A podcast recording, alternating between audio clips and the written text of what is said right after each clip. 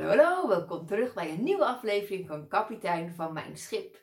Vandaag wil ik het heel graag hebben voor de ouders die uh, klaar zijn om continu de, achter de kont, de kont van hun kinderen aan te moeten hubbelen wat betreft het brengen van lunch naar school, omdat het weer is vergeten. Het maken van een presentatie, omdat het kind is vergeten om een presentatie te maken. En dat jij de nacht van tevoren maar eventjes snel doet, dat je kind goed slaapt. En in ieder geval de volgende dag niet zonder presentatie naar school hoeft te gaan. Of um, dat jij de ouder bent die als je kind thuis komt van spelen en een uur of twee uur te laat thuis komt van dan de afgesproken tijd, wat weet dat afgesproken tijd is. En jij bent dan de ouder die geduldig staat te wachten en gewoon weer normaal, alsof er niks aan de hand is, het eten van je kind wel eventjes opwarmt. Zodat het in ieder geval een lekkere warme maaltijd heeft voordat het naar bed toe gaat. Ben jij zo'n ouder en heb je zoiets inmiddels, ik ben hier wel eigenlijk helemaal klaar mee? Dan heb ik goed nieuws. Er is licht aan de horizon. Je kunt je kind leren eigen verantwoordelijkheid te nemen zonder dat je kind zich daarover rot hoeft te voelen of zich afgewezen hoeft te voelen. Want dat is natuurlijk helemaal niet de bedoeling en dat hoeft ook helemaal niet. Maar je kunt je kind wel degelijk leren eigen verantwoordelijkheid te nemen. En ben jij geïnteresseerd in daar meer over te leren, dan is deze aflevering zeker iets voor jou. Om te beginnen, waarom is het nou zo belangrijk, voor mij althans, om te leren mijn kinderen verantwoordelijkheid te nemen? Nou, persoonlijk moet ik er niet aan denken dat als mijn kinderen volwassen zijn, inmiddels zijn ze volwassen, uh, dat ze een huis kopen en vervolgens in een, in een, een, een uh, bijvoorbeeld een kleur op de muur hebben in de woonkamer en die ziet er niet uit. Dat vinden ze zelf althans niet hun kleur en zij willen het liefst een andere kleur. En ze zegt tegen jou als ouder, en vervolgens ben je op de verjaardag van je kind. Zijn er allemaal familieleden en vrienden. En hoor je kind zeggen: Ja, ik heb hier nu deze leuke kleur op mijn woonkamer zitten. Nou, joh, dat is niet mijn kleur. Ja, mijn ouders hebben het nog niet geregeld hoor. Maar die, uh, die moeten het nog even regelen dat er een andere kleur op komt. Dat wil je toch niet? Ik moet er niet aan denken als ouder dat dat zoiets gebeurt. Als mijn kind volwassen is en een andere kleur behang wil of een andere kleur verf op zijn behang of een andere kleur verf op zijn muur, dan ga ik ervan uit dat het kind alle capaciteiten bezit om het zelf te kunnen regelen. Om zelf een schilder te regelen, of zelf een kwast te pakken en zelf aan de slag te gaan, of wat het ook maar kiest. Ik moet er persoonlijk niet aan denken dat een kind die volwassen is mij daarvoor verantwoordelijk zou houden.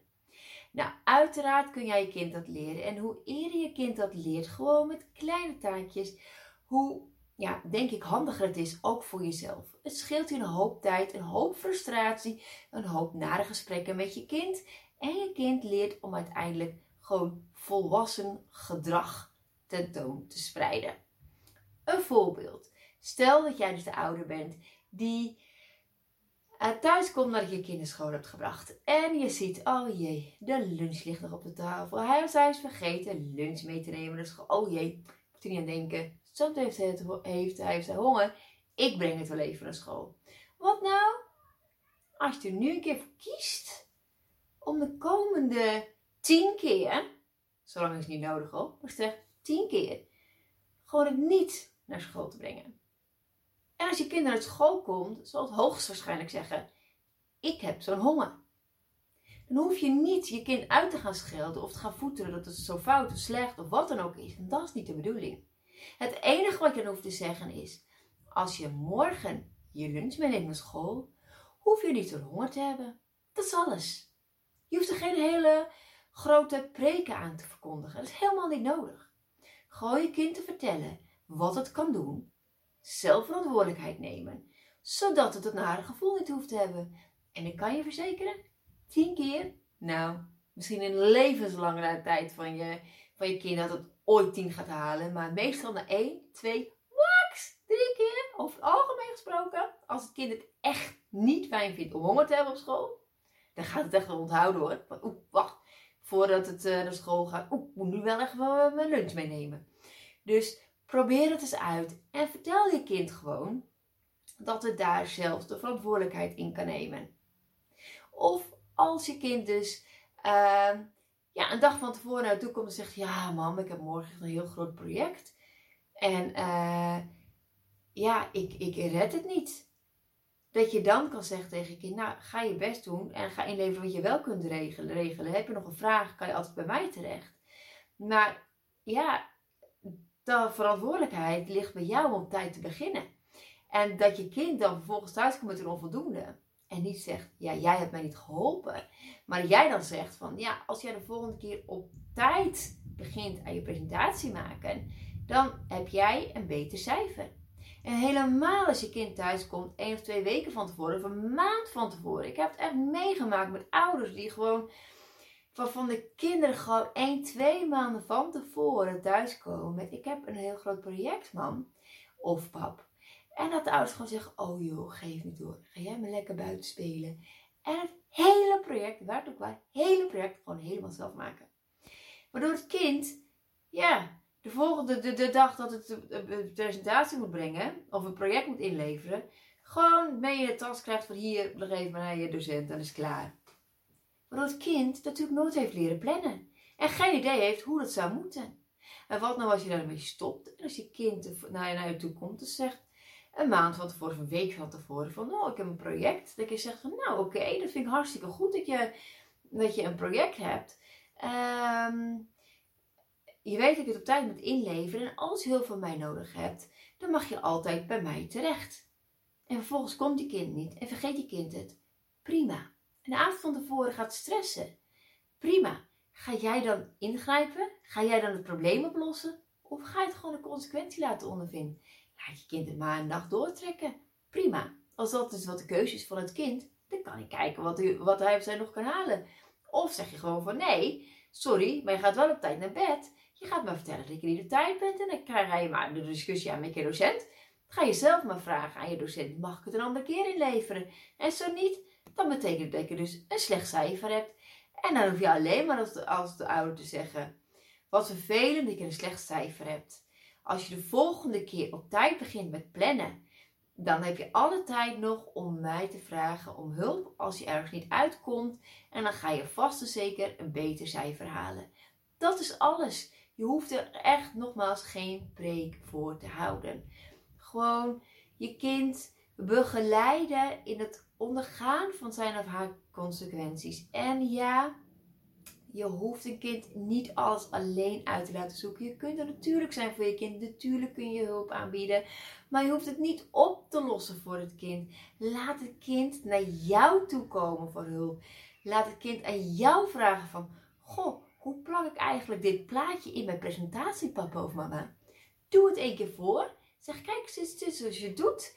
En laat het kind de rest van de presentatie zelf de plaatjes in de presentatie plakken, zodat het kind het ook leert en nieuwe skills leert en zichzelf daar ook goed over mag voelen dat het weer iets heeft geleerd.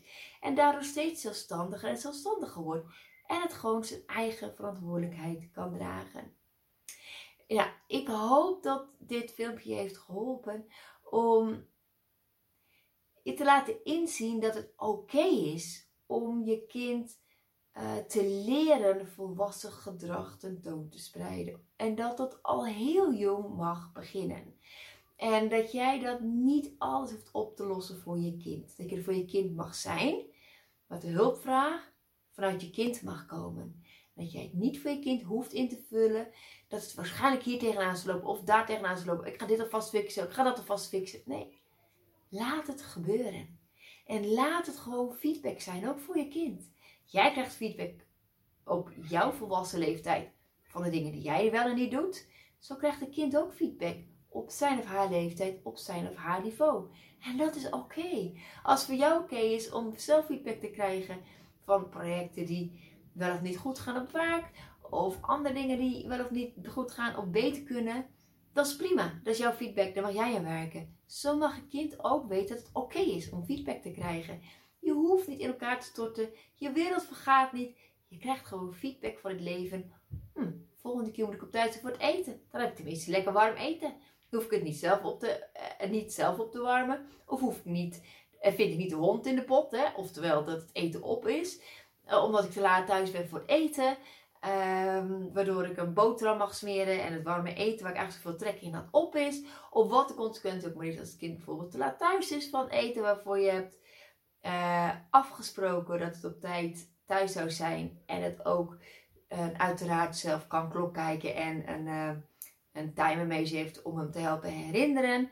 Ehm, waardoor je ook weet van ja, mijn kind kan ook deze verantwoordelijkheid nemen. Want het heeft alle tools in zich en bij zich om deze verantwoordelijkheid ook te kunnen nemen. Hè?